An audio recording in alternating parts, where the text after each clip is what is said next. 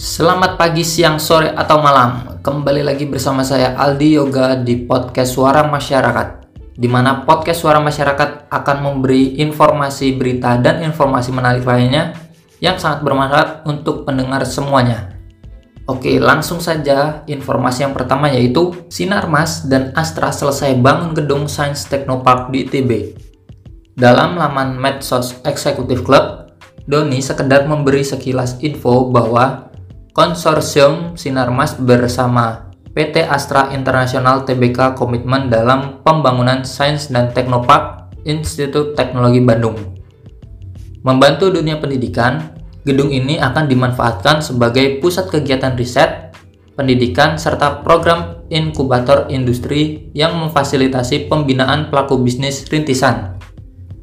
Managing Director Sinarmas Gading Sulistianto dalam keterangan tertulisnya, pembangunan gedung STP ITB merupakan kesinambungan Sinarmas membantu dunia pendidikan sebagai bagian tanggung jawab sosial perusahaan. Kiprah kegiatan CSR Sinarmas pada dunia pendidikan, kata Gading, sudah dimulai oleh pendiri Sinarmas, Eka Cipta Wijaya, melalui pendiri Universitas Prasetya Mulia bersama-sama dengan sejumlah pengusaha.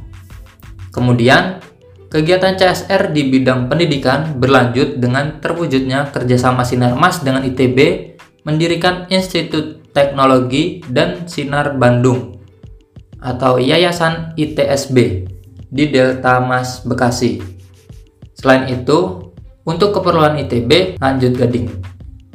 Sinarmas Land telah menyiapkan lahan fasos dan fasum seluas 40 hektar yang juga ber, berlokasi di kota Delta Mas di jantung kawasan industri Bekasi.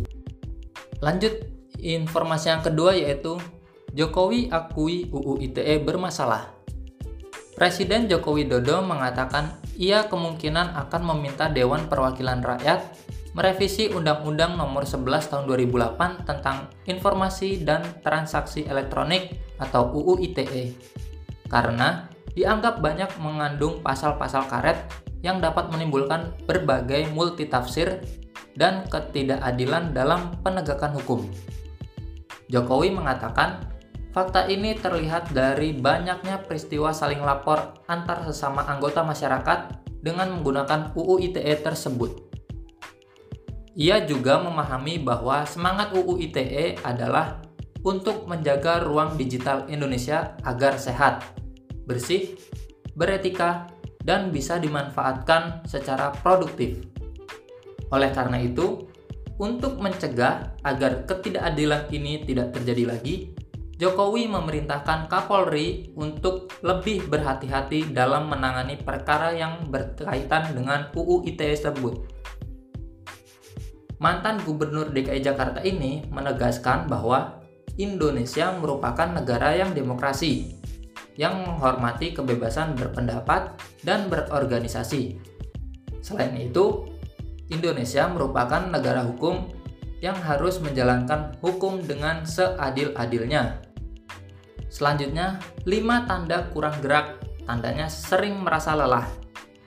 Masih banyak orang yang sehari-harinya menerapkan gaya hidup minim olahraga serta kurang gerak. Misalnya, pekerja yang menghabiskan sebagian besar waktunya dengan duduk rebahan, dan berbaring. Dampak signifikan yang terjadi adalah partisipan kehilangan massa otot, terjadinya perubahan metabolisme, peningkatan lemak tubuh yang cenderung menumpuk pada area perut, memicu peningkatan resiko penyakit kronis seperti diabetes tipe 2, penyakit jantung, dan resiko kematian dini. Tanda-tandanya di antaranya adalah yang pertama, selalu merasa lelah. Rasa lelah ini juga bisa diakibatkan oleh kurangnya aktivitas fisik. Melangsir dari real simple, semakin seseorang kurang gerak, akan makin lelah dibuatnya. Hal tersebut disebabkan karena tubuh, dalam kutip jantung, paru-paru, dan otot, mengalami kondisi yakni penurunan kemampuan atau fungsi untuk melakukan aktivitas sehari-hari. Kabar baiknya, dengan bergerak lebih banyak, misalnya dengan rutin olahraga, fungsi tubuh bisa dikembalikan seperti semula. Sebuah penelitian yang diterbitkan dalam jurnal Psychotherapy and Psychosomatic melibatkan 36 orang dewasa berusia muda yang berada dalam kondisi sehat, tetapi sering mengeluhkan kelelahan mereka dibagi ke dalam dua kelompok, yakni kelompok olahraga ringan dan sedang. Hasilnya, melakukan olahraga intensitas ringan maupun sedang sebanyak tiga kali dalam seminggu selama enam minggu ternyata mampu membuat mereka lebih berenergi. Namun, penurunan rasa lelah terbesar dialami oleh kelompok olahraga intensitas ringan. Jadi sebetulnya tak butuh usaha susah payah untuk menjadi sehat. Tanda yang kedua yaitu berat badan naik. Untuk mendapatkan berat badan ideal, jumlah asupan kalori setidaknya sama dengan jumlah kalori yang dibakar atau di metabolisme menjadi energi. Tubuh yang jarang aktif atau pola hidup kurang gerak akan membuat jumlah kalori yang masuk lebih besar daripada yang dikeluarkan. Kelebihan kalori ini kemudian disimpan dalam tubuh berbentuk lemak. Malas gerak juga bisa menyebabkan berat badan naik karena mampu menurunkan laju metabolisme. Tanda yang ketiga, bernafas menjadi sulit. Selain bisa menyebabkan obesitas, kurang gerak juga dapat mengakibatkan penurunan fungsi jantung. Sanul Coriolis MDFAAC, ahli jantung bersertifikat dan pemilik Coriolis Cardiology di Philadelphia, AS, menerangkan dalam laman Real Simple bahwa jantung sangat membutuhkan aliran oksigen yang baik. Terlalu sering duduk atau rebahan membuat pernafasan menjadi dangkal, sehingga menghambat aliran oksigen ke jantung, menyebabkan penurunan fungsi jantung. Orang yang minim aktivitas fisik, bahkan untuk bergerak sedikit saja, sudah bisa membuat terengah-engah dan mengalami palpitasi, yakni jantung berdebar-debar.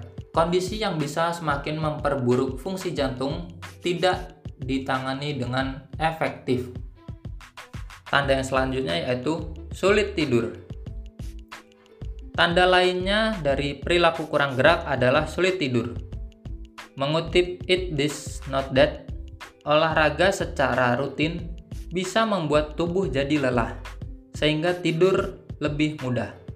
Sebuah penelitian yang terbit dalam jurnal Advance in Preventive Medicine menyimpulkan adanya ketertarikan antara olahraga dengan tidur seseorang. Mereka yang melakukan aktivitas fisik dapat memperoleh kualitas tidur yang lebih baik yakni tidur bisa lebih nyenyak. Tanda yang selanjutnya yaitu sering lapar. Minimnya aktivitas seharusnya membuat tubuh tidak membutuhkan banyak makan. Namun, yang terjadi justru sebaliknya. Kurang gerak akan membuatmu jadi sering lapar. Hal ini diakibatkan oleh meningkatnya kadar grelin alias hormon lapar. Studi yang dimuat dalam Journal of Sport Science and Medicine melibatkan 10 orang pemuda. Sebagian diminta melakukan olahraga rutin dan sebagiannya lagi tetap mempertahankan kebiasaan kurang geraknya. Setelah mengamati kadar hormon grelin serta nafsu makan partisipan, tim peneliti menyimpulkan bahwa olahraga memiliki efek positif dalam menekan rasa lapar akibat menurunnya kadar hormon grelin.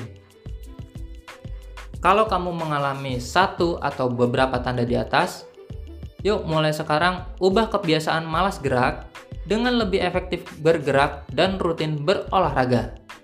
Selain untuk menjaga berat badan tetap ideal, kamu pun juga bisa mencegah berbagai penyakit.